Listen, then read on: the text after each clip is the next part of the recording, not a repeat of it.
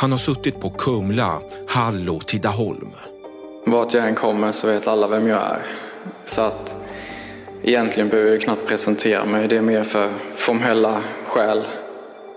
Han heter Martin Törnblad och han är dömd för mordet på sin svärfar, lantbrukaren och mångmiljonären Göran Lundblad. Det har bara varit så att det är fel på Törnblad. Ryktet har ju alltid gått liksom att eh, Törnblad de är uppblåsta, upprymda, störst, bäst och vackrast. Det har ju alltid varit så. Elva år efter brottet tar Martin emot mig i fängelset och ger sin version om vad som hände den där otäcka augustidagen i byn Norra Förlösa. Hur kändes det att se kroppen åka ner där i hålet? Ja, åka ner, de tippades ner. Det är ingenting som man ser i slow motion utan det är någonting som bara händer väldigt fort. Och sen att det täcks över också ganska snabbt.